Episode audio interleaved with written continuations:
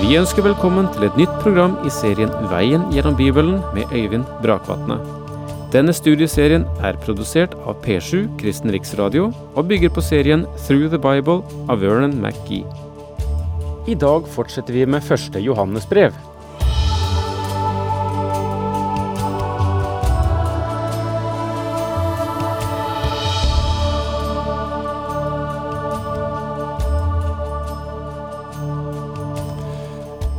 La meg få minne igjen om at um,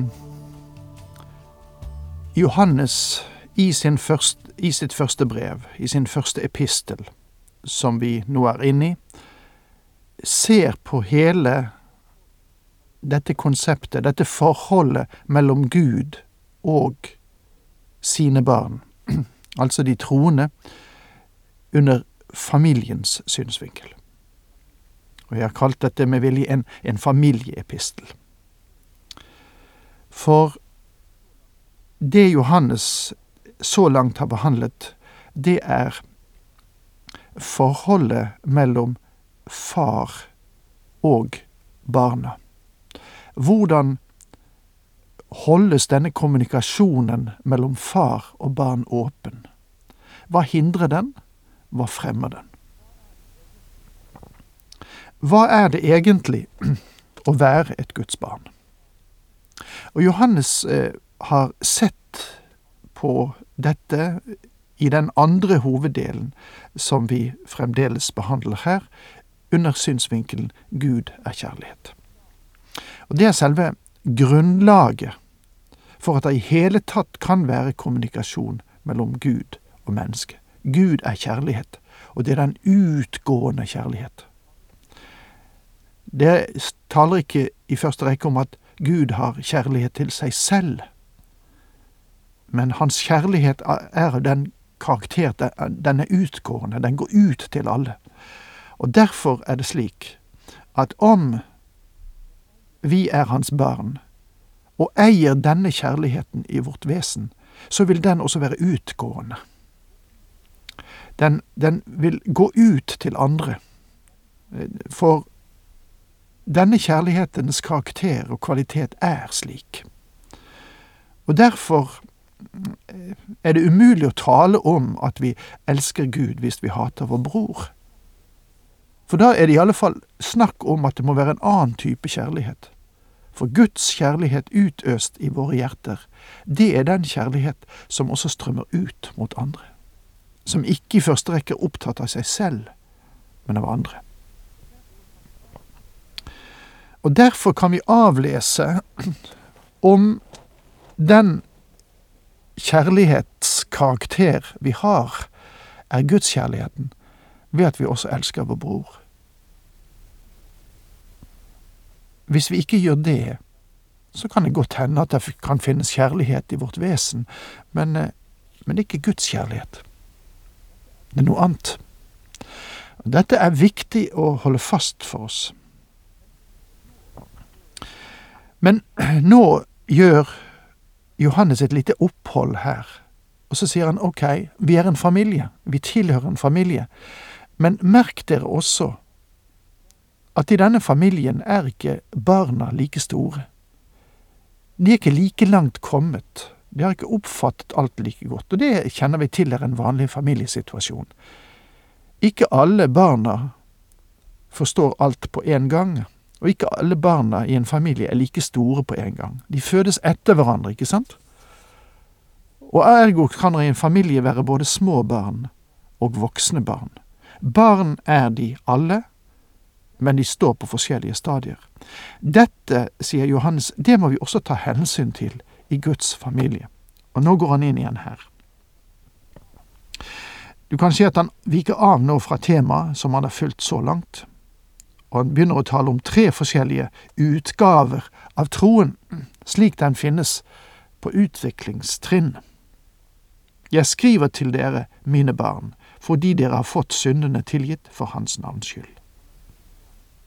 Og disse som han kaller mine barn, det greske ordet er teknia, små barn, tror jeg henviser til alle troende, uansett alder eller modenhet som kristne. Den grunnen som alle kristne hviler på, er syndstilgivelsen på grunn av at Kristus har gitt sitt blod. Dere har fått syndene tilgitt for Hans navns skyld. Da står du i barnets situasjon.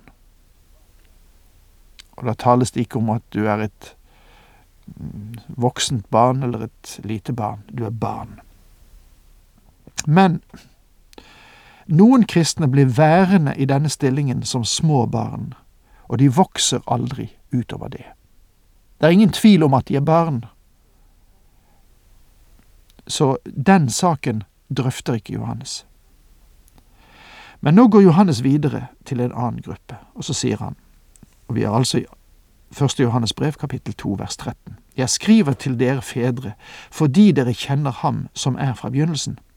Jeg skriver til dere unge, fordi dere har seiret over den onde. Fedre er de hellige som har kjent den Herre Jesus i mange år og hatt vekst og modning i sitt liv. Personlig tror jeg at David skrev den 23. salme da han var en gammel mann. Han kunne aldri ha skrevet den salmen som en ung hyrde, fordi det er en salme som har vokst ut av livets problemer og vanskeligheter. David hadde møtt alle slags problemer og farer, og han hadde levd i fellesskap med Gud. Han var et av Guds modne barn, og ville ganske sikkert hørt innunder Johannes' kategori som fedre. Jeg har kalt Salme 23 en salme av en gammel konge. Og jeg tror David skrev den der han satt på sin trone og så tilbake over livet. Han husket den gjetergutten som hadde ført flokkene ut til beitemarkene ved Betlehem, og hvordan han beskyttet dem fra bjørner og løver.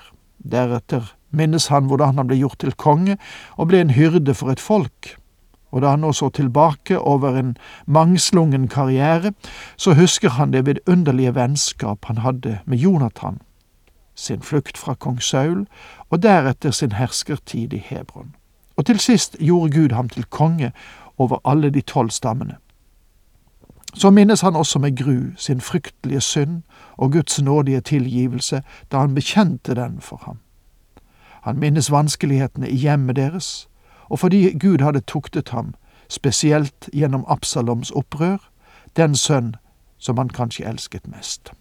Han minnes flukten fra Jerusalem og nødvendigheten av å finne ly i hulene på nytt, og så mottar han nyheten om Absaloms død som hadde knust hans hjerte.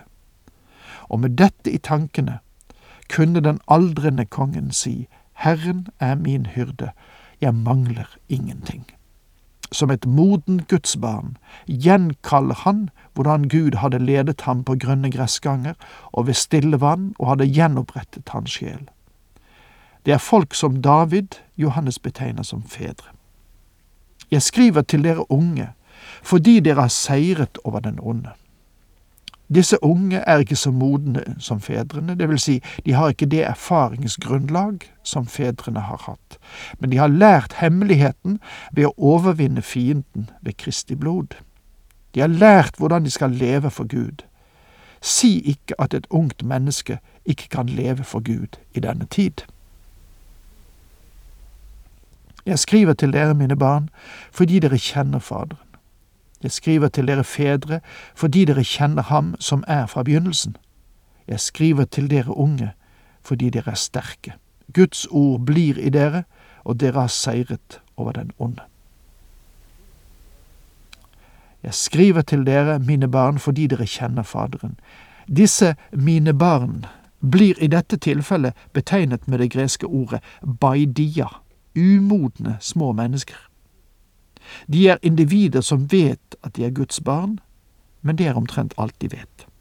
Og noen av dem kjenner det slik at det er alt de ønsker å vite. Undre på hvor mange kristne Gud vil klassifisere som barn, baidia.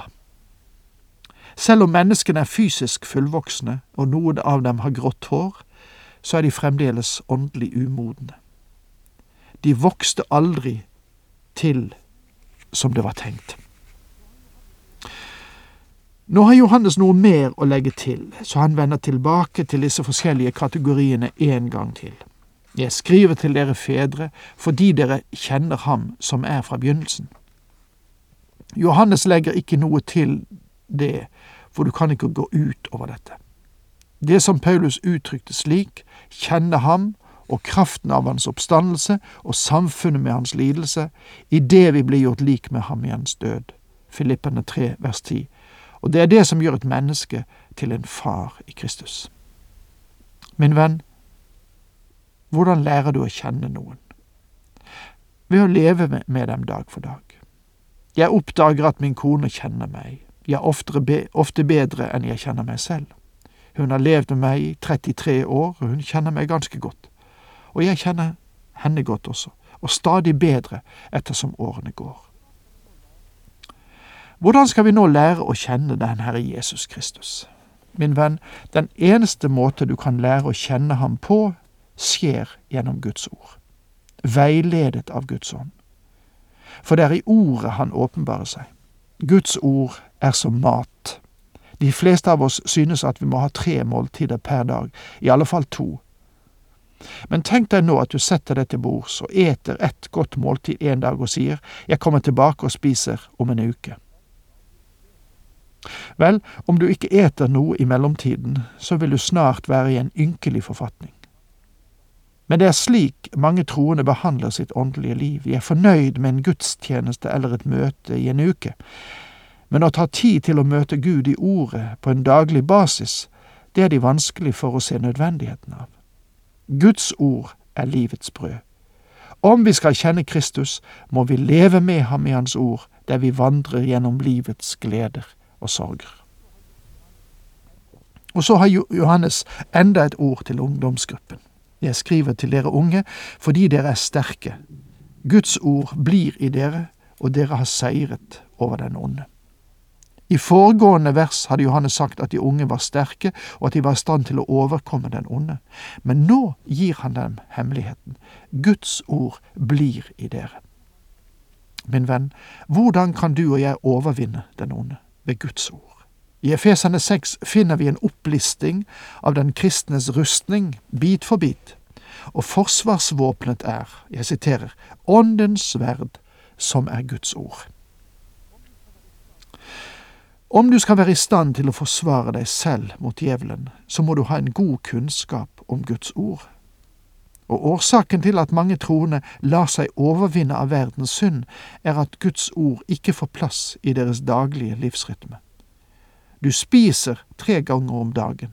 Du trenger fysisk mat for å være sterk. Og, tro meg, du trenger åndelig føde for å hente styrke også. Dette er et avsnitt som mange gjerne vil se atskilt fra det som uh, har gått forut. Men jeg føler at det er en integrert del av det Johannes allerede har talt om. Johannes har fortalt om hvordan vi som Guds barn kan vite at vi er Guds barn. Og uh, det der uh, vil vi komme tilbake til når vi møtes igjen neste gang. Takk for nå. Herren med deg.